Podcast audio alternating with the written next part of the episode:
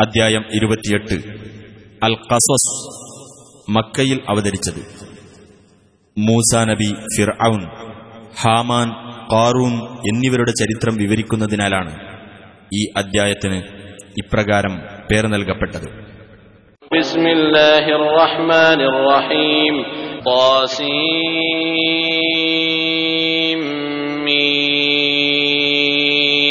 تلك آيات الكتاب المبين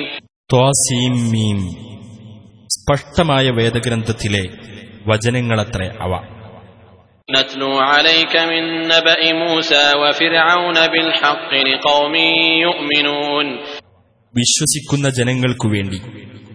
മൂസായുടെയും ഫിറൌന്റെയും വൃത്താന്തത്തിൽ നിന്നും സത്യപ്രകാരം നിനക്ക് നാം ഓതിക്കേൾപ്പിക്കുന്നു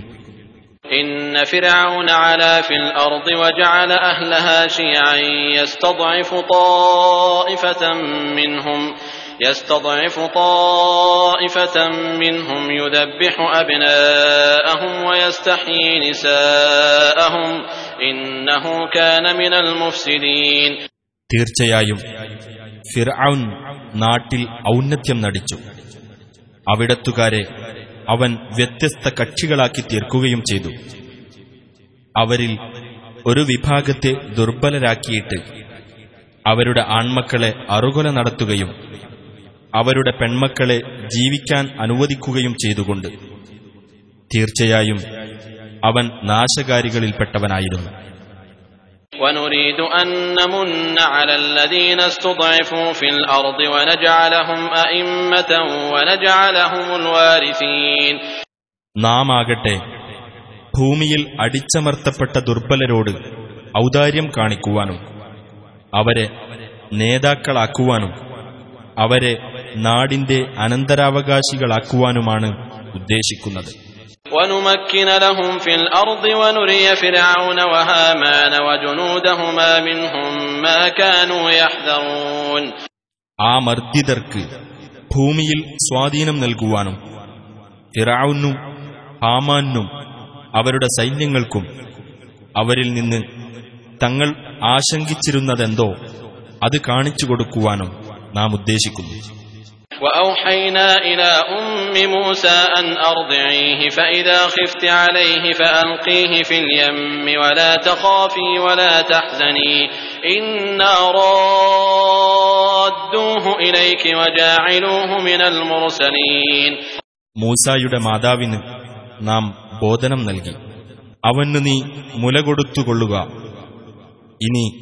അവന്റെ കാര്യത്തിൽ നിനക്ക് ഭയം തോന്നുകയാണെങ്കിൽ അവനെ നീ നദിയിൽ ഇട്ടേക്കുക നീ ഭയപ്പെടുകയും ദുഃഖിക്കുകയും വേണ്ട തീർച്ചയായും അവനെ നാം നിന്റെ അടുത്തേക്ക് തിരിച്ചു കൊണ്ടുവരുന്നതും അവനെ ദൈവദൂതന്മാരിൽ ഒരാളാക്കുന്നതുമാണ് فالتقطه آل فرعون ليكون لهم عدوا وحزنا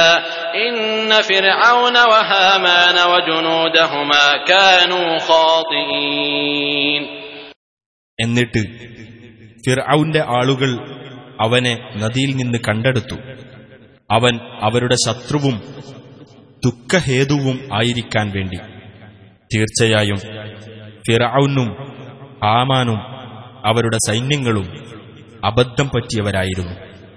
وقالت امرأة فرعون قرة عين لي ولك لا تقتلوه عسى أن ينفعنا أو نتخذه ولدا وهم لا يشعرون ഫിറൌന്റെ ഭാര്യ പറഞ്ഞു എനിക്കും അങ്ങേക്കും കണ്ണിന് കുളിർമയത്രേ ഈ കുട്ടി അതിനാൽ ഇവനെ നിങ്ങൾ കൊല്ലരുത് ഇവൻ നമുക്ക് ഉപകരിച്ചേക്കാം അല്ലെങ്കിൽ ഇവനെ നമുക്ക് ഒരു മകനായി സ്വീകരിക്കാം അവർ യാഥാർത്ഥ്യം ഗ്രഹിച്ചിരുന്നില്ല وأصبح فؤاد أم موسى فارغا إن كادت لتبدي به لولا أن ربطنا على قلبها لتكون من المؤمنين മൂസായുടെ മാതാവിന്റെ മനസ്സ് അന്യചിന്തകളിൽ നിന്ന് ഒഴിവായതായി തീർന്നു അവളുടെ മനസ്സിനെ നാം ഉറപ്പിച്ചു നിർത്തിയില്ലായിരുന്നുവെങ്കിൽ അവന്റെ കാര്യം അവൾ വെളിപ്പെടുത്തിയേക്കുമായിരുന്നു അവൾ സത്യവിശ്വാസികളുടെ കൂട്ടത്തിലായിരിക്കാൻ വേണ്ടിയത്രേ നാം അങ്ങനെ ചെയ്തത് وقالت لأخته قصيه فبصرت به عن جنب وهم لا يشعرون അവൾ മൂസായുടെ സഹോദരിയോട് പറഞ്ഞു നീ അവന്റെ പിന്നാലെ പോയി അന്വേഷിച്ചു നോക്കൂ അങ്ങനെ ദൂരെ നിന്ന് അവൾ അവനെ നിരീക്ഷിച്ചു അവർ അതറിഞ്ഞിരുന്നില്ല وحرمنا عليه المراضع من قبل فقالت هل أدلكم على أهل بيت يكفلونه لكم وهم له ناصحون അതിനു മുമ്പ് മുലയൂട്ടുന്ന സ്ത്രീകൾ അവന് മുല കൊടുക്കുന്നതിന് നാം തടസ്സമുണ്ടാക്കിയിരുന്നു അപ്പോൾ ആ സഹോദരി പറഞ്ഞു നിങ്ങൾക്കുവേണ്ടി ഇവനെ സംരക്ഷിക്കുന്ന ഒരു വീട്ടുകാരെപ്പറ്റി ഞാൻ നിങ്ങൾക്ക് അറിവ് തരട്ടെയോ അവർ ഇവന്റെ ഗുണകാംക്ഷികളായിരിക്കുകയും ചെയ്യും فرددناه إلى أمه كي تقر عينها ولا تحزن ولتعلم أن وعد الله حق ولكن أكثرهم لا يعلمون അങ്ങനെ അവന്റെ മാതാവിന്റെ കണ്ണ് കുളിർക്കുവാനും അവൾ ദുഃഖിക്കാതിരിക്കുവാനും അള്ളാഹുവിന്റെ വാഗ്ദാനം സത്യമാണെന്ന് അവൾ മനസ്സിലാക്കുവാനും വേണ്ടി അവനെ നാം അവൾക്ക് തിരിച്ചേൽപ്പിച്ചു പക്ഷേ അവരിൽ അധിക പേരും കാര്യം മനസ്സിലാക്കുന്നില്ല ولما بلغ أشده واستوى آتيناه حكما وعلما وكذلك نجزي المحسنين അങ്ങനെ മൂസ ശക്തി പ്രാപിക്കുകയും പാകത എത്തുകയും ചെയ്തപ്പോൾ അദ്ദേഹത്തിന് നാം വിവേകവും വിജ്ഞാനവും നൽകി അപ്രകാരമാണ് സദ്വൃത്തർക്ക് നാം പ്രതിഫലം നൽകുന്നത് ودخل المدينة على حين غفلة من أهلها فوجد فيها رجلين يقتتلان هذا من شيعته وهذا من عدوه فاستغاثه الذي من شيعته على الذي من عدوه فوكزه موسى فوكزه موسى فقضى عليه. قال هذا من عمل الشيطان إنه عدو مضل مبين. പട്ടണവാസികൾ അശ്രദ്ധരായിരുന്ന സമയത്ത് മൂസ അവിടെ കടന്നു ചെന്നു. അപ്പോൾ അവിടെ രണ്ടു പുരുഷന്മാർ പരസ്പരം പൊരുതുന്നതായി അദ്ദേഹം കണ്ടു. ഒരാൾ തന്റെ കക്ഷിയിൽപ്പെട്ടവൻ മറ്റൊരാൾ തന്റെ ശത്രുവിഭാഗത്തിൽപ്പെട്ടവനും അപ്പോൾ തന്റെ കക്ഷിയിൽപ്പെട്ടവൻ തന്റെ ശത്രുവിഭാഗത്തിൽപ്പെട്ടവനെതിരിൽ അദ്ദേഹത്തോട് സഹായം തേടി.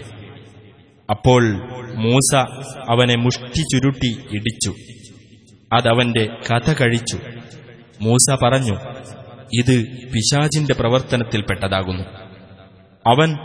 വ്യക്തമായും വഴിപിഴപ്പിക്കുന്ന ശത്രു തന്നെയാകുന്നു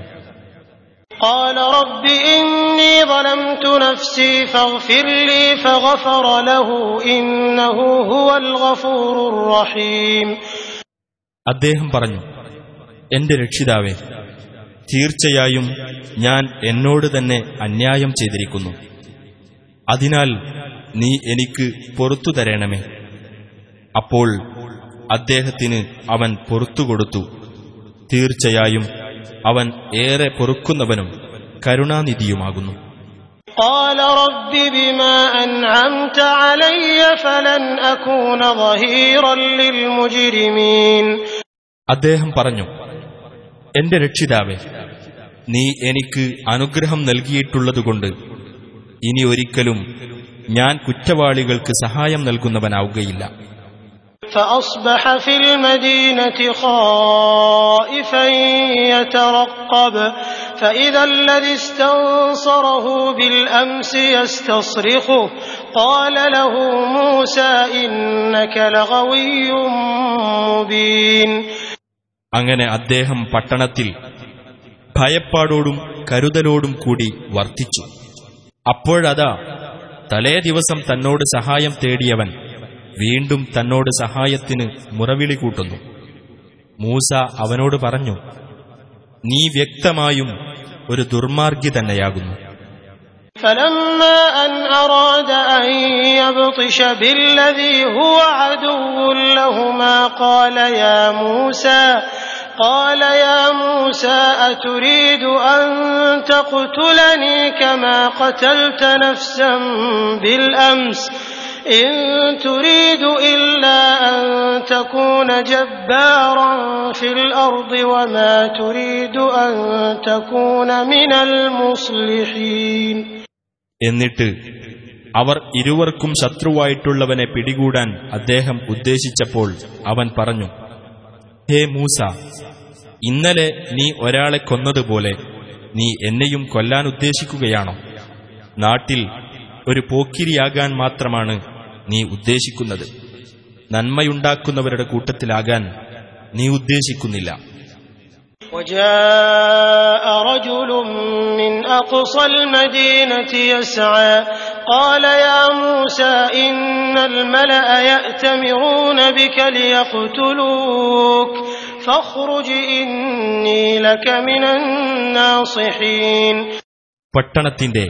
അങ്ങേ അറ്റത്തുനിന്ന് ഒരു പുരുഷൻ ഓടിവന്നു അയാൾ പറഞ്ഞു ഹേ മൂസ താങ്കളെ കൊല്ലാൻ വേണ്ടി പ്രമുഖ വ്യക്തികൾ ആലോചന നടത്തിക്കൊണ്ടിരിക്കുന്നുണ്ട് അതിനാൽ താങ്കൾ ഈജിപ്തിൽ നിന്ന് പുറത്തു പോയിക്കൊള്ളുക തീർച്ചയായും ഞാൻ താങ്കളുടെ ഗുണകാംക്ഷികളുടെ കൂട്ടത്തിലാകുന്നു فخرج منها خائفا يترقب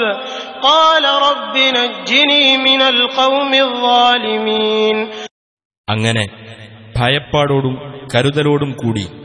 അദ്ദേഹം അവിടെ നിന്ന് പുറപ്പെട്ടു അദ്ദേഹം പറഞ്ഞു എന്റെ രക്ഷിതാവെ അക്രമികളായ ജനതയിൽ നിന്ന് എന്നെ നീ രക്ഷപ്പെടുത്തേണമേ ولما توجه تلقاء مدين قال عسى ربي أن يهديني سواء السبيل മദിയന്റെ നേർക്ക് യാത്ര തിരിച്ചപ്പോൾ അദ്ദേഹം പറഞ്ഞു എന്റെ രക്ഷിതാവ് ശരിയായ മാർഗത്തിലേക്ക് എന്നെ നയിച്ചേക്കാം ولما ورد ماء مدين وجد عليه أمة من الناس يسقون ووجد من دونهم امرأتين تذودان قال ما خطبكما قالتا لا نسقي حتى يصدر الرعاء وأبونا شيخ كبير മദിയനിലെ ജലാശയത്തിങ്കിൽ അദ്ദേഹം ചെന്നെത്തിയപ്പോൾ ആടുകൾക്ക് വെള്ളം കൊടുത്തുകൊണ്ടിരിക്കുന്ന ഒരു കൂട്ടം ആളുകളെ അതിനടുത്ത് അദ്ദേഹം കണ്ടെത്തി. അവരുടെ ഇപ്പുറത്തായി തങ്ങളുടെ ആട്ടിൻപറ്റത്തെ തടഞ്ഞു നിർത്തിക്കൊണ്ടിരിക്കുന്ന രണ്ട് സ്ത്രീകളെയും അദ്ദേഹം കണ്ടു. അദ്ദേഹം ചോദിച്ചു എന്താണ് നിങ്ങളുടെ പ്രശ്നം? അവർ പറഞ്ഞു ഇടയന്മാർ ആടുകൾക്ക് വെള്ളം കൊടുത്ത് തിരിച്ചുകൊണ്ടുപോകുന്നതുവരെ ഞങ്ങൾക്ക് വെള്ളം കൊടുക്കാനാവില്ല ഞങ്ങളുടെ പിതാവാകട്ടെ വലിയൊരു വൃദ്ധനുമാണ് فسقى لهما ثم تولى إلى الظل فقال رب إني لما أنزلت إلي من خير فقير അങ്ങനെ അവർക്കുവേണ്ടി അദ്ദേഹം അവരുടെ കാലുകൾക്ക് വെള്ളം കൊടുത്തു പിന്നീട് അദ്ദേഹം തണലിലേക്ക് മാറിയിരുന്നിട്ട് ഇപ്രകാരം പ്രാർത്ഥിച്ചു എന്റെ രക്ഷിതാവേ നീ എനിക്ക് ഇറക്കിത്തരുന്ന ഏതൊരു നന്മക്കും ഞാൻ ആവശ്യക്കാരനാകുന്നു فجاءته إحداهما تمشي على استحياء قالت إن أبي يدعوك ليجزيك أجر ما سقيت لنا فلما جاءه وقص عليه القصص قال لا تخف قال لا تخف نجوت من القوم الظالمين അപ്പോൾ ആ രണ്ട് സ്ത്രീകളിൽ ഒരാൾ നാണിച്ചുകൊണ്ട് അദ്ദേഹത്തിന്റെ അടുത്ത് നടന്നു ചെന്നിട്ട് പറഞ്ഞു താങ്കൾ ഞങ്ങൾക്കു വേണ്ടി ആടുകൾക്ക് വെള്ളം കൊടുത്തതിനുള്ള പ്രതിഫലം താങ്കൾക്കു നൽകുവാനായി എന്റെ പിതാവ് താങ്കളെ വിളിക്കുന്നു. അങ്ങനെ മൂസ അദ്ദേഹത്തിന്റെ അടുത്തു ചെന്നിട്ട് തന്റെ കഥ അദ്ദേഹത്തിന് വിവരിച്ചു കൊടുത്തപ്പോൾ അദ്ദേഹം പറഞ്ഞു ഭയപ്പെടേണ്ട. അക്രമികളായ ആ ജനതയിൽ നിന്ന് നീ രക്ഷപ്പെട്ടിരിക്കുന്നു. قالت إحداهما يا أبت استأجره إن خير من استأجرت القوي الأمين ആ രണ്ടു സ്ത്രീകളിൽ ഒരാൾ പറഞ്ഞു എന്റെ പിതാവേ ഇദ്ദേഹത്തെ താങ്കൾ കൂലിക്കാരനായി നിർത്തുക തീർച്ചയായും താങ്കൾ കൂലിക്കാരായി എടുക്കുന്നവരിൽ ഏറ്റവും ഉത്തമൻ ശക്തനും വിശ്വസ്തനുമായിട്ടുള്ളവനത്രേ قال إني أريد أن أنكحك إحدى ابنتي هاتين على أن تأجرني ثماني حجج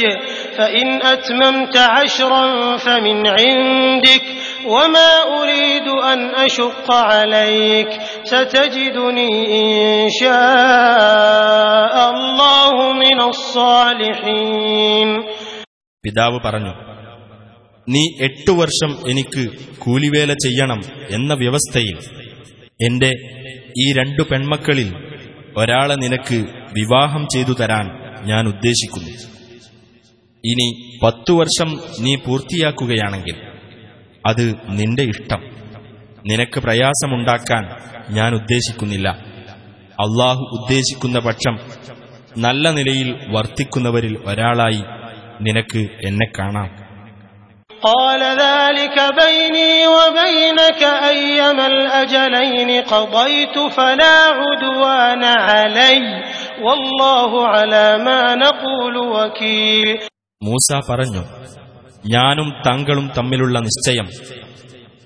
അതുതന്നെ ഈ രണ്ട് അവധികളിൽ ഏത് ഞാൻ നിറവേറ്റിയാലും എന്നോട് വിരോധമുണ്ടാകരുത് നാം പറയുന്നതിന് അള്ളാഹു സാക്ഷിയാകുന്നു فلما قضى موسى الأجل وسار بأهله آنس من جانب الطور نارا قال لأهلهم كثوا إني آنست نارا لعلي آتيكم منها بخبر أو جذوة من النار لعلكم تصطلون അങ്ങനെ മൂസ ആ അവധി നിറവേറ്റുകയും തന്റെ കുടുംബവും കൊണ്ട് യാത്ര പോകുകയും ചെയ്തപ്പോൾ പർവതത്തിന്റെ ഭാഗത്തുനിന്ന് അദ്ദേഹം ഒരു തീ കണ്ടു.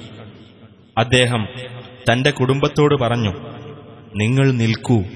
ഞാനൊരു തീ കണ്ടിരിക്കുന്നു. അവിടെ നിന്ന് വല്ല വിവരമോ അല്ലെങ്കിൽ ഒരു തീക്കൊള്ളിയോ ഞാൻ നിങ്ങൾക്ക് കൊണ്ടുവന്ന് തന്നേക്കാം. നിങ്ങൾക്ക് തീ കായാമല്ലോ. فلما أتاها نودي من شاطئ الوادي الأيمن في البقعة المباركة من الشجرة في البقعة المباركة من الشجرة أن يا موسى إني أنا الله رب العالمين അങ്ങനെ അദ്ദേഹം അതിനടുത്ത് ചെന്നപ്പോൾ അനുഗ്രഹീതമായ പ്രദേശത്തുള്ള താഴ്വരയുടെ വലതുഭാഗത്തുനിന്ന് ഒരു വൃക്ഷത്തിൽ നിന്ന് അദ്ദേഹത്തോട് വിളിച്ചു പറയപ്പെട്ടു ഹേ മൂസ തീർച്ചയായും ഞാനാകുന്നു ലോകരക്ഷിതാവായ അള്ളാഹു وأن ألق عصاك فلما رآها تهتز كأنها جان ولا مدبرا ولم يعقب يا موسى أقبل ولا تخف إنك من الآمنين നീ നിന്റെ വടി താഴെയിടൂ എന്നിട്ടത് ഒരു സർപ്പമെന്നോണം പിടയുന്നത് കണ്ടപ്പോൾ അദ്ദേഹം പിന്നോക്കം തിരിഞ്ഞോടി അദ്ദേഹം തിരിഞ്ഞു നോക്കിയതുപോലുമില്ല അള്ളാഹു പറഞ്ഞു മൂസ നീ മുന്നോട്ടു വരിക പേടിക്കേണ്ട തീർച്ചയായും നീ സുരക്ഷിതരുടെ കൂട്ടത്തിലാകുന്നു اسلك يدك في جيبك تخرج بيضاء من غير سوء واضمم إليك جناحك من الرهب فذلك برهانان من ربك إلى فرعون وملئه إنهم كانوا قوما فاسقين നീ നിന്റെ കൈ കുപ്പായമാറിലേക്ക് പ്രവേശിപ്പിക്കുക യാതൊരു കെടുതിയും കൂടാതെ വെളുത്തതായി അത് പുറത്തുവരുന്നതാണ് ഭയത്തിൽ നിന്ന് മോചനത്തിനായി നിന്റെ പാർശ്വഭാഗം നീ ശരീരത്തിലേക്ക് ചേർത്ത് പിടിക്കുകയും ചെയ്യുക അങ്ങനെ അത് രണ്ടും ഫിർഔന്റെയും അവന്റെ പ്രമുഖന്മാരുടെയും അടുത്തേക്ക് നിന്റെ രക്ഷിതാവിങ്കിൽ നിന്നുള്ള രണ്ടു തെളിവുകളാകുന്നു തീർച്ചയായും അവർ ധിക്കാരികളായ ഒരു ജനതയായിരിക്കുന്നു قال رب إني قتلت منهم نفسا فأخاف أن يقتلون അദ്ദേഹം പറഞ്ഞു എന്റെ രക്ഷിതാവെ അവരുടെ കൂട്ടത്തിൽ ഒരാളെ ഞാൻ കൊന്നുപോയിട്ടുണ്ട് അതിനാൽ അവർ എന്നെ കൊല്ലുമെന്ന് ഞാൻ ഭയപ്പെടുന്നു وأخي هارون هو أفصح مني لسانا فأرسله معي يرد أن يصدقني إني أخاف أن يكذبون എന്റെ സഹോദരൻ ഹാറൂൺ എന്നെക്കാൾ വ്യക്തമായി സംസാരിക്കാൻ കഴിവുള്ളവനാകുന്നു അതുകൊണ്ട് എന്നോടൊപ്പം എന്റെ സത്യത സ്ഥാപിക്കുന്ന ഒരു സഹായിയായിക്കൊണ്ട് അവനെ നീ നിയോഗിക്കണമേ അവർ എന്നെ നിഷേധിച്ചു കളയുമെന്ന് തീർച്ചയായും ഞാൻ ഭയപ്പെടുന്നു قال سنشد عضدك بأخيك ونجعل لكما سلطانا فلا يصلون إليكما بآياتنا أنتما ومن اتبعكما الغالبون അള്ളാഹു പറഞ്ഞു നിന്റെ സഹോദരൻ മുഖേന നിന്റെ കൈക്ക് നാം ബലം നൽകുകയും നിങ്ങൾക്ക് ഇരുവർക്കും നാം ഒരു ആധികാരിക ശക്തി നൽകുകയും ചെയ്യുന്നതാണ്. അതിനാൽ അവർ നിങ്ങളുടെ അടുത്ത് എത്തുകയില്ല. നമ്മുടെ ദൃഷ്ടാന്തങ്ങൾ നിമിത്തം നിങ്ങളും നിങ്ങളെ പിന്തുടരുന്നവരും തന്നെയായിരിക്കും വിജയികൾ. فلما جاءهم موسى بآياتنا بينات قالوا ما هذا قالوا ما هذا إلا سحر مفترى وما سمعنا بهذا في آبائنا الأولين അങ്ങനെ നമ്മുടെ വ്യക്തമായ ദൃഷ്ടാന്തങ്ങളും കൊണ്ട് മൂസ അവരുടെ അടുത്ത് ചെന്നപ്പോൾ അവർ പറഞ്ഞു ഇത് വ്യാജനിർമ്മിതമായ ഒരു ജാലവിദ്യയല്ലാതെ മറ്റൊന്നുമല്ല നമ്മുടെ പൂർവപിതാക്കളിൽ ഇങ്ങനെ ഒരു കാര്യത്തെപ്പറ്റി നാം കേട്ടിട്ടുമില്ല وقال موسى ربي أعلم بمن جاء بالهدى من عنده ومن تكون له عاقبة الدار إنه لا يفلح الظالمون മൂസ പറഞ്ഞു തന്റെ പക്കൽ നിന്ന് സന്മാർഗവും കൊണ്ടുവന്നിട്ടുള്ളവനാരെന്നും ഈ ലോകത്തിന്റെ പര്യവസാനം ആർക്ക് അനുകൂലമായിരിക്കുമെന്നും എന്റെ രക്ഷിതാവിന് നല്ലപോലെ അറിയാം അക്രമികൾ വിജയം പ്രാപിക്കുകയില്ല തീർച്ച وقال فرعون يا أيها الملأ ما علمت لكم من إله غيري فأوقد لي يا هامان على الطين فاجعل لي صرحا لعلي أطلع إلى إله موسى وإني لأظنه من الكاذبين ഫിറൌൻ പറഞ്ഞു പ്രമുഖന്മാരെ ഞാനല്ലാതെ യാതൊരു ദൈവവും നിങ്ങൾക്കുള്ളതായി ഞാൻ അറിഞ്ഞിട്ടില്ല അതുകൊണ്ട് ഹാമാനെ എനിക്കുവേണ്ടി കളിമണ്ണുകൊണ്ട് ഇഷ്ടിക ചുട്ടെടുക്കുക എന്നിട്ട് എനിക്ക് നീ ഒരു ഉന്നത സൗദം ഉണ്ടാക്കിത്തരിക മൂസയുടെ ദൈവത്തിങ്കലേക്ക് എനിക്കൊന്ന് എത്തി നോക്കാമല്ലോ തീർച്ചയായും അവൻ വ്യാജം പറയുന്നവരുടെ കൂട്ടത്തിലാണെന്നാണ് ഞാൻ വിചാരിക്കുന്നത് واستكبر هو وجنوده في الأرض بغير الحق وظنوا أنهم إلينا لا يرجعون അവനും അവന്റെ സൈന്യങ്ങളും ഭൂമിയിൽ അന്യായമായി അഹങ്കരിക്കുകയും നമ്മുടെ അടുക്കലേക്ക് അവർ മടക്കപ്പെടുകയില്ലെന്ന് അവർ വിചാരിക്കുകയും ചെയ്തു.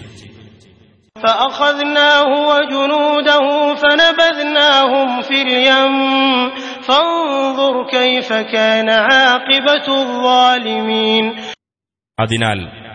അവനെയും അവന്റെ സൈന്യങ്ങളെയും നാം പിടികൂടി കടലിൽ എറിഞ്ഞുകളഞ്ഞു. അപ്പോൾ ആ അക്രമികളുടെ പര്യവസാനം എങ്ങനെയായിരുന്നു എന്ന് നോക്കൂ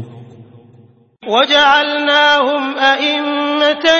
يدعون إلى النار ويوم القيامة لا ينصرون അവരെ നാം നരകത്തിലേക്ക് ക്ഷണിക്കുന്ന നേതാക്കന്മാരാക്കി ഉയർത്തെഴുന്നേൽപ്പിന്റെ നാളിൽ അവർക്കൊരു സഹായവും നൽകപ്പെടുന്നതല്ല وأتبعناهم في هذه الدنيا لعنة ويوم القيامة هم من المقبوحين ഈ ഐഹിക ജീവിതത്തിൽ അവരുടെ പിന്നാലെ നാം ശാപം അയക്കുകയും ചെയ്തു ഉയർത്തെഴുന്നേൽപ്പിന്റെ നാളിൽ അവർ വെറുക്കപ്പെട്ടവരുടെ കൂട്ടത്തിലായിരിക്കുകയും ചെയ്യും ولقد آتينا موسى الكتاب من بعد ما أهلكنا القرون الأولى بصائر بصائر للناس وهدى ورحمة لعلهم يتذكرون പൂർവ്വതലമുറകളെ നാം നശിപ്പിച്ചതിനു ശേഷം ജനങ്ങൾക്ക് ഉൾക്കാഴ്ച നൽകുന്ന തെളിവുകളും മാർഗദർശനവും കാരുണ്യവുമായിക്കൊണ്ട് മൂസാക്ക് നാം വേദഗ്രന്ഥം നൽകുകയുണ്ടായി അവർ ചിന്തിച്ച് ഗ്രഹിച്ചേക്കാമല്ലോ وما كنت بجانب الغربي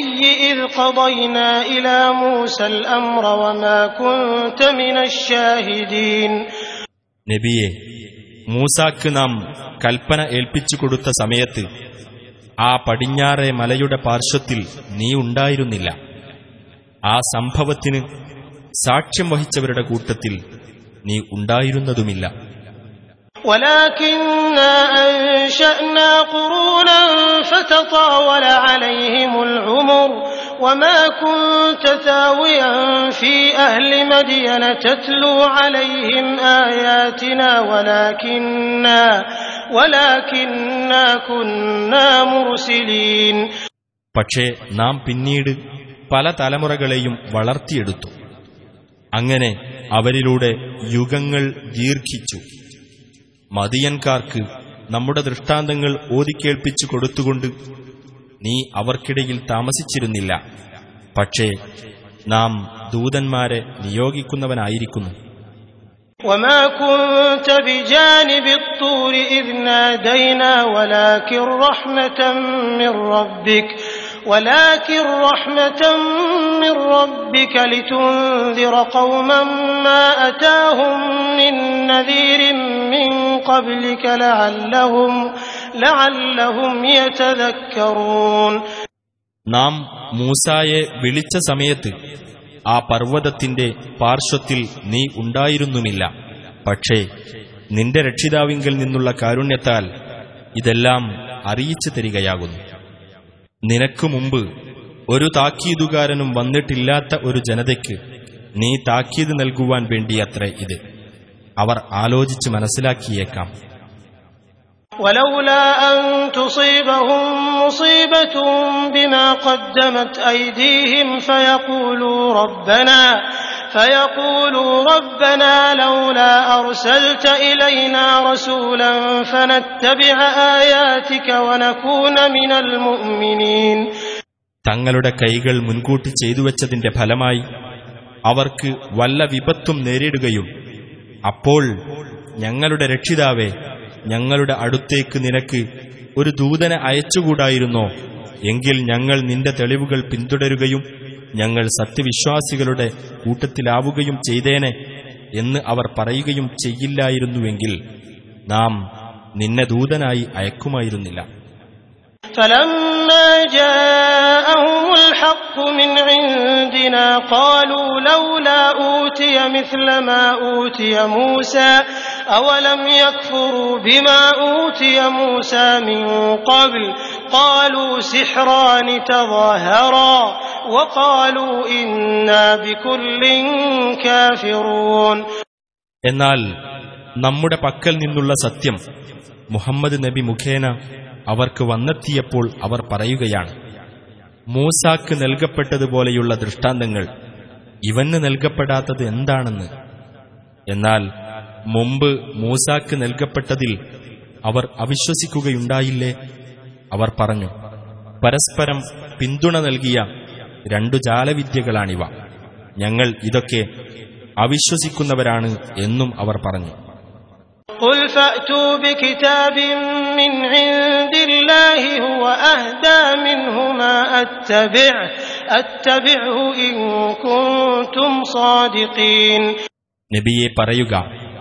എന്നാൽ അവ രണ്ടിനേക്കാളും നേർവഴി കാണിക്കുന്നതായ ഒരു ഗ്രന്ഥം അള്ളാഹുവിന്റെ പക്കൽ നിന്ന് നിങ്ങൾ കൊണ്ടുവരൂ ഞാനത് പിൻപറ്റിക്കൊള്ളാം നിങ്ങൾ സത്യവാൻമാരാണെങ്കിൽ فإن لم يستجيبوا لك فاعلم أنما يتبعون أهواءهم ومن أضل ممن اتبع هواه بغير هدى من الله إن الله لا يهدي القوم الظالمين ഇനി നിനക്ക് അവർ ഉത്തരം നൽകിയില്ലെങ്കിൽ തങ്ങളുടെ തന്നിഷ്ടങ്ങളെ മാത്രമാണ് അവർ പിന്തുടരുന്നത് എന്ന് നീ അറിഞ്ഞേക്കുക അള്ളാഹുവിങ്കിൽ നിന്നുള്ള യാതൊരു മാർഗദർശനവും കൂടാതെ തന്നിഷ്ടത്തെ പിന്തുടർന്നവനേക്കാൾ വഴിപിഴച്ചവൻ ആരുണ്ട്? അള്ളാഹു അക്രമികളായ ജനങ്ങളെ നേർവഴിയിലാക്കുകയില്ല. തീർച്ച.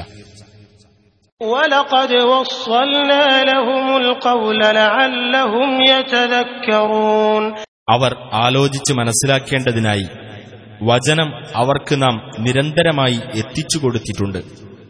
الذين آتيناهم الكتاب من قبله هم به يؤمنون ഇതിനു മുമ്പ് നാം ആർക്ക് വേദഗ്രന്ഥം നൽകിയോ അവർ ഇതിൽ വിശ്വസിക്കുന്നു وإذا يتلى عليهم قالوا آمنا به إنه الحق من ربنا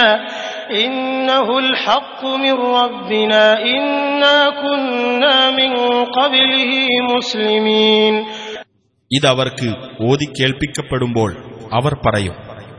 ഞങ്ങൾ ഇതിൽ വിശ്വസിച്ചിരിക്കുന്നു. തീർച്ചയായും ഇത് ഞങ്ങളുടെ രക്ഷിതാവിങ്കിൽ നിന്നുള്ള സത്യമാകുന്നു. ഇതിനു മുമ്പ് തന്നെ തീർച്ചയായും ഞങ്ങൾ കീഴ്പ്പെടുന്നവരായിരിക്കുന്നു. ഉലാ أولئك يؤتون أجرهم مرتين بما صبروا ويدرؤون بالحسنة السيئة ومما رزقناهم ينفقون അത്തരക്കാർക്ക് അവർ ക്ഷമിച്ചതിന്റെ ഫലമായി അവരുടെ പ്രതിഫലം രണ്ടു മടങ്ങായി നൽകപ്പെടുന്നതാണ് അവർ നന്മ കൊണ്ട് തിന്മയെ തടുക്കുകയും നാം അവർക്ക് നൽകിയിട്ടുള്ളതിൽ നിന്ന് ചെലവഴിക്കുകയും ചെയ്യും وإذا سمعوا اللغو أعرضوا عنه وقالوا لنا أعمالنا ولكم أعمالكم سلام عليكم لا نبتغي الجاهلين വ്യർത്ഥമായ വാക്കുകൾ കേട്ടാൽ അതിൽ നിന്നവർ തിരിഞ്ഞുകളയുകയും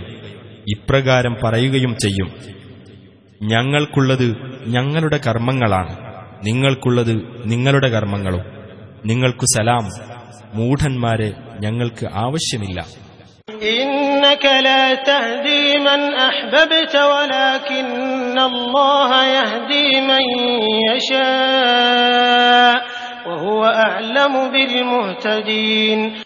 തീർച്ചയായും നിനക്ക് ഇഷ്ടപ്പെട്ടവരെ നിനക്ക് നേർവഴിയിലാക്കാനാവില്ല. പക്ഷേ അള്ളാഹു താൻ ഉദ്ദേശിക്കുന്നവരെ നേർവഴിയിലാക്കുന്നു. സന്മാർഗം പ്രാപിക്കുന്നവരെപ്പറ്റി അള്ളാഹു നല്ലവണ്ണം അറിയുന്നവനാകുന്നു وقالوا إن نتبع الهدى معك نتخطف من أرضنا أولم نمكن لهم حرما آمنا يجبى إليه ثمرات كل شيء رزقا رزقا من لدنا ولكن أكثرهم لا يعلمون നിന്നോടൊപ്പം ഞങ്ങൾ സന്മാർഗം പിന്തുടരുന്ന പക്ഷം ഞങ്ങളുടെ നാട്ടിൽ നിന്ന് ഞങ്ങൾ എടുത്തെറിയപ്പെടും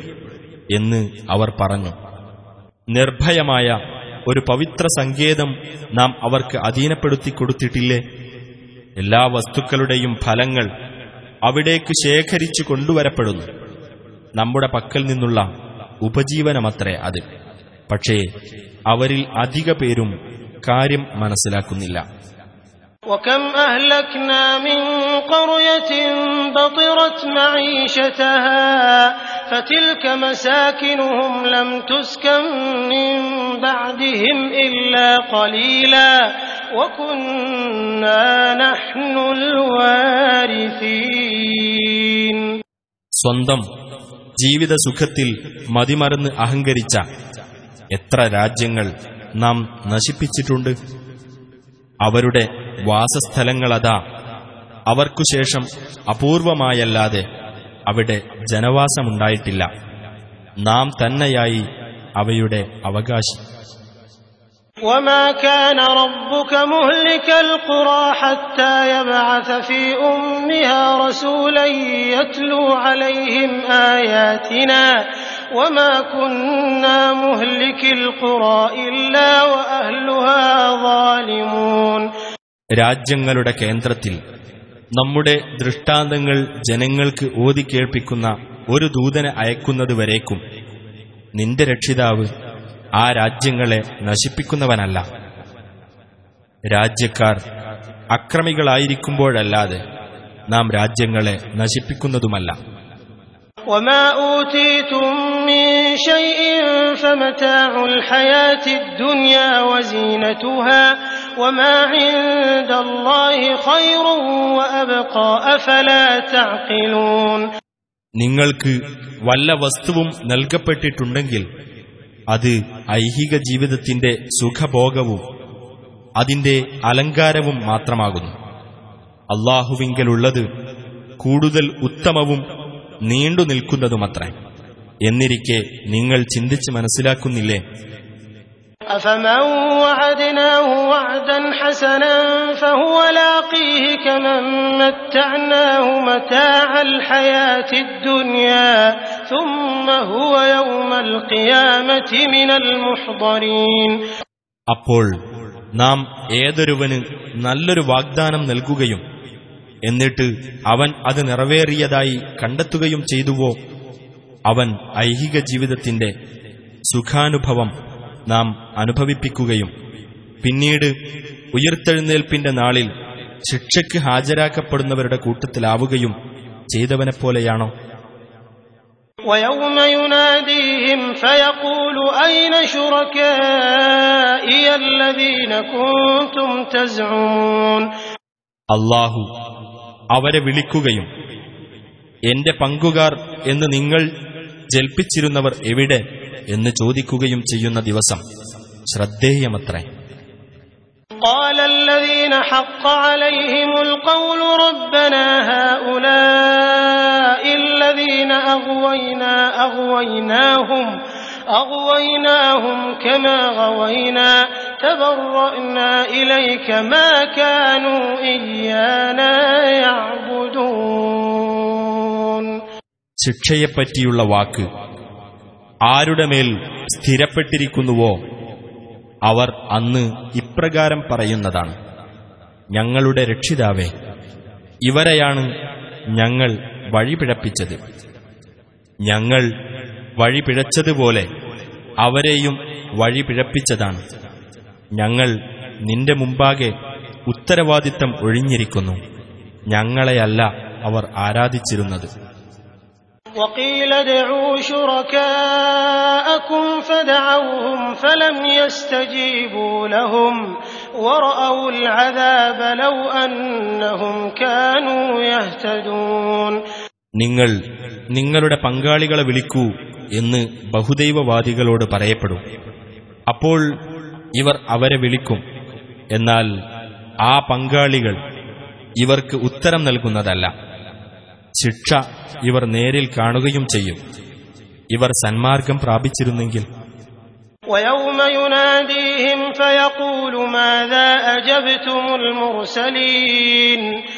അള്ളാഹു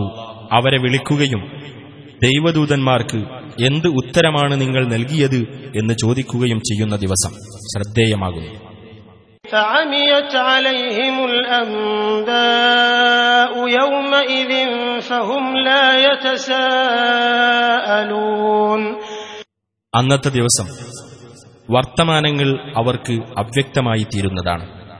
അപ്പോൾ അവർ അന്യോന്യം ചോദിച്ചറിയുകയില്ല فأما من تاب وآمن وعمل صالحا فعسى أن يكون من المفلحين എന്നാൽ ഖേദിച്ചു മടങ്ങുകയും വിശ്വസിക്കുകയും സൽക്കർമ്മം പ്രവർത്തിക്കുകയും ചെയ്തവനാരോ അവൻ വിജയികളുടെ കൂട്ടത്തിലായേക്കാം وربك يخلق ما يشاء ويختار ما كان لهم الخيرة سبحان الله وتعالى عما يشركون നിന്റെ രക്ഷിതാവ് താൻ ഉദ്ദേശിക്കുന്നത് സൃഷ്ടിക്കുകയും ഇഷ്ടമുള്ളത് തെരഞ്ഞെടുക്കുകയും ചെയ്യുന്നു അവർക്ക് തെരഞ്ഞെടുക്കുവാൻ അർഹതയില്ല അള്ളാഹു എത്രയോ പരിശുദ്ധനും അവർ പങ്കുചേർക്കുന്നതിനെല്ലാം അതീതനുമായിരിക്കുന്നു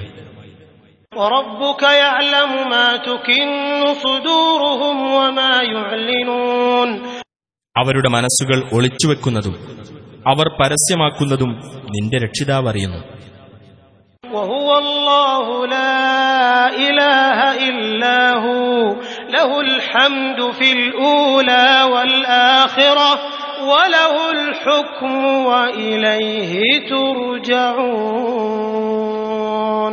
അവനത്രേ അല്ലാഹു. അവനല്ലാതെ യാതൊരു ദൈവവുമില്ല. ഈ ലോകത്തും പരലോകത്തും അവനാകുന്നു സ്തുതി അവനാണ് വിധികർത്തൃത്വവും അവങ്കിലേക്ക് തന്നെ നിങ്ങൾ മടക്കപ്പെടുന്നതുമാണ് قل أرأيتم إن جعل الله عليكم الليل سرمدا إلى يوم القيامة من إله غير الله يأتيكم بضياء أفلا تسمعون നബിയെ പറയുക നിങ്ങൾ ചിന്തിച്ചു നോക്കിയിട്ടുണ്ടോ ഉയിർത്തെഴുന്നേൽപ്പിന്റെ നാളുവരെ അള്ളാഹു നിങ്ങളുടെ മേൽ രാത്രിയെ ശാശ്വതമാക്കി തീർത്തിരുന്നെങ്കിൽ അള്ളാഹു അല്ലാത്ത ഏതൊരു ദൈവമാണ് നിങ്ങൾക്ക് വെളിച്ചം കൊണ്ടുവന്നു തരിക എന്നിരിക്കെ നിങ്ങൾ കേട്ടു മനസ്സിലാക്കുന്നില്ലേ قل أرأيتم إن جعل الله عليكم النهار سرمدا إلى يوم القيامة من إله غير الله يأتيكم بليل تسكنون فيه أفلا تبصرون പറയുക നിങ്ങൾ ചിന്തിച്ചു നോക്കിയിട്ടുണ്ടോ ഉയിർത്തെഴുന്നേൽപ്പിന്റെ നാളുവരെ അള്ളാഹു നിങ്ങളുടെ മേൽ പകലിനെ ശാശ്വതമാക്കിയിരുന്നുവെങ്കിൽ അല്ലാത്ത ഏതൊരു ദൈവമാണ് നിങ്ങൾക്ക് വിശ്രമിക്കുവാൻ ഒരു രാത്രി കൊണ്ടുവന്നു തരിക എന്നിരിക്കെ നിങ്ങൾ കണ്ടു മനസ്സിലാക്കുന്നില്ലേ?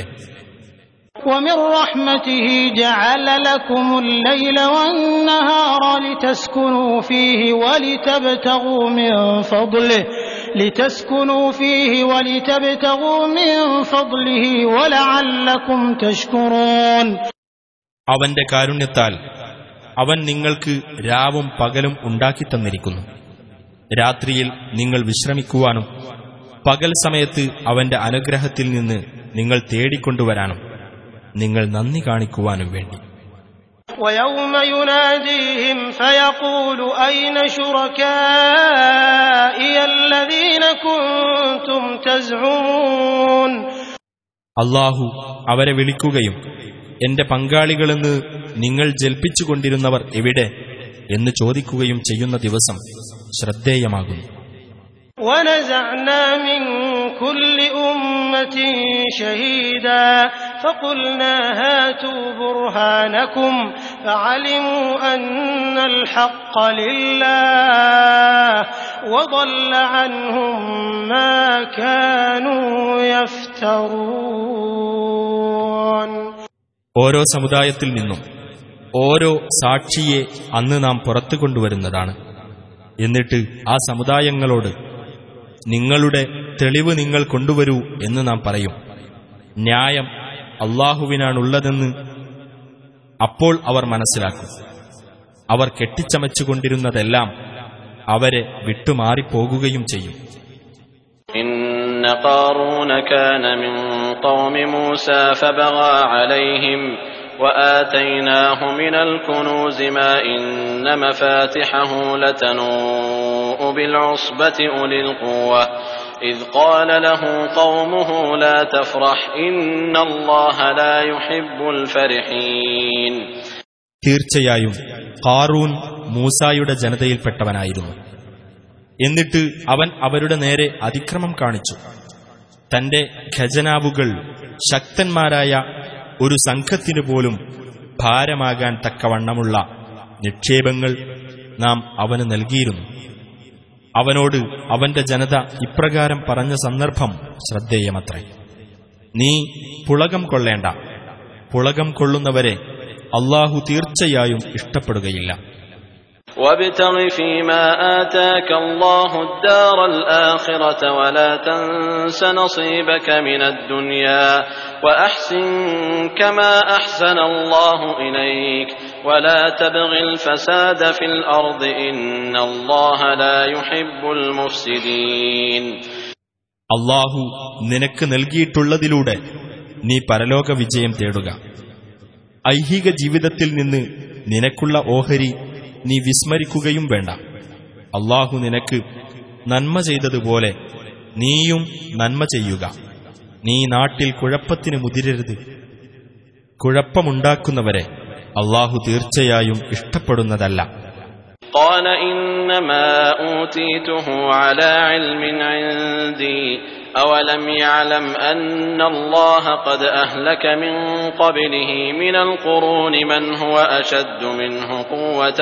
وأكثر جمعا ولا يسأل عن ذنوبهم المجرمون കാറൂൻ പറഞ്ഞു എന്റെ കൈവശമുള്ള വിദ്യ കൊണ്ട് മാത്രമാണ് എനിക്കിത് ലഭിച്ചത് എന്നാൽ അവനു മുമ്പ് അവനേക്കാൾ കടുത്ത ശക്തിയുള്ളവരും കൂടുതൽ സംഘബലമുള്ളവരുമായിരുന്ന തലമുറകളെ അള്ളാഹു നശിപ്പിച്ചിട്ടുണ്ടെന്ന് അവൻ മനസ്സിലാക്കിയിട്ടില്ലേ തങ്ങളുടെ പാപങ്ങളെപ്പറ്റി കുറ്റവാളികളോട് അന്വേഷിക്കപ്പെടുന്നതല്ല فخرج على قومه في زينته قال الذين يريدون الحياة الدنيا يا ليت لنا مثل ما أوتي قارون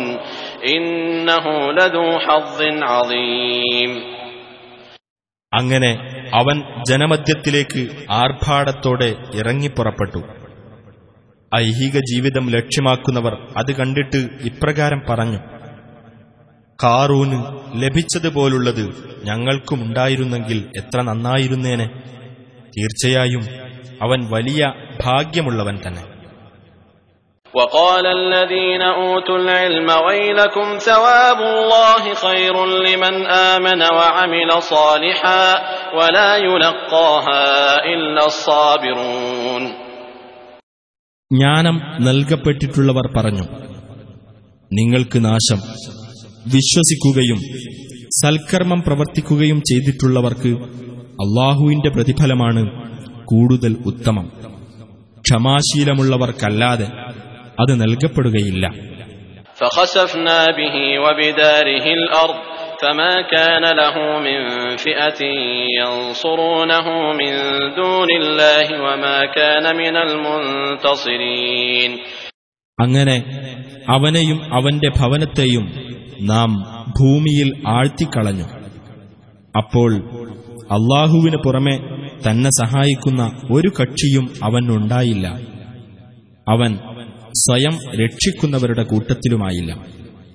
وأصبح الذين تمنوا مكانه بالأمس يقولون ويك أن الله يبسط الرزق لمن يشاء من عباده ويقدر لولا أمن الله علينا لخسف بنا ويكأنه لا يفلح الكافرون ഇന്നലെ അവന്റെ സ്ഥാനം കൊതിച്ചിരുന്നവർ ഇന്ന് ഇപ്രകാരം പറയുന്നവരായി തീർന്നു അഹോ കഷ്ടം. തന്റെ ദാസന്മാരിൽ നിന്ന് താൻ ഉദ്ദേശിക്കുന്നവർക്ക് അള്ളാഹു ഉപജീവനം വിശാലമാക്കി കൊടുക്കുകയും താൻ ഉദ്ദേശിക്കുന്നവർക്ക് അതു ഇടുങ്ങിയതാക്കുകയും ചെയ്യുന്നു. ഞങ്ങളോട് അള്ളാഹു ഔദാര്യം കാണിച്ചിരുന്നില്ലെങ്കിൽ ഞങ്ങളെയും അവൻ ആഴ്ത്തിക്കളയുമായിരുന്നു. അഹോ കഷ്ടം. സത്യനിഷേധികൾ വിജയം പ്രാപിക്കുകയില്ല.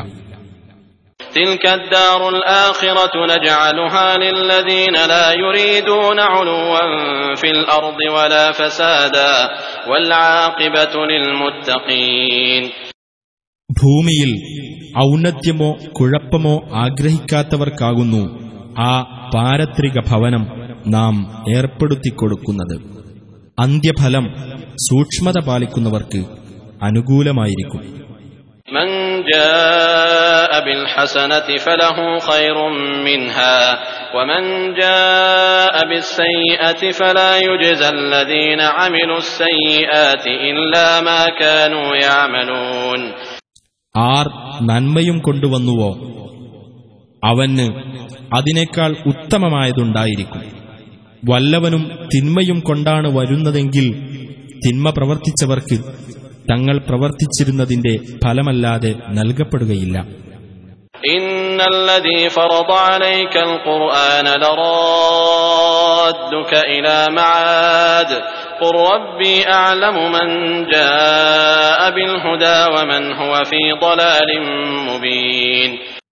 തീർച്ചയായും നിനക്ക് ഈ ഖുർആൻ നിയമമായി നൽകിയവൻ തിരിച്ചെത്തേണ്ട സ്ഥാനത്തേക്ക് നിന്നെ തിരിച്ചുകൊണ്ടുവരിക തന്നെ ചെയ്യും പറയുക സന്മാർഗവും കൊണ്ട് വന്നതാരെന്നും സ്പഷ്ടമായ ദുർമാർഗത്തിലകപ്പെട്ടത് ആരെന്നും എന്റെ രക്ഷിതാവ് നല്ലവണ്ണം അറിയുന്നവനാണ് وما كنت ترجو أن يلقى إليك الكتاب إلا رحمة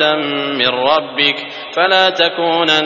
ظهيرا للكافرين നിനക്ക് വേദഗ്രന്ഥം നൽകപ്പെടണമെന്ന് നീ ആഗ്രഹിച്ചിരുന്നില്ല പക്ഷേ നിന്റെ രക്ഷിതാവിങ്കിൽ നിന്നുള്ള കാരുണ്യത്താൽ അതു ലഭിച്ചു ആകയാൽ നീ സത്യനിഷേധികൾക്ക് സഹായിയായിരിക്കരുത് ولا يصدنك عن آيات الله بعد إذ أنزلت إليك وادع إلى ربك ولا تكونن من المشركين അള്ളാഹുവിന്റെ വചനങ്ങൾ നിനക്ക് അവതരിപ്പിക്കപ്പെട്ടതിനു ശേഷം അവർ നിന്നെ അതിൽ നിന്ന് തടയാതിരിക്കട്ടെ. നിന്റെ രക്ഷിതാവിങ്കലേക്ക് നീ ക്ഷണിക്കുക. നീ ബഹുദൈവ വിശ്വാസികളുടെ കൂട്ടത്തിലായി പോകരുത്.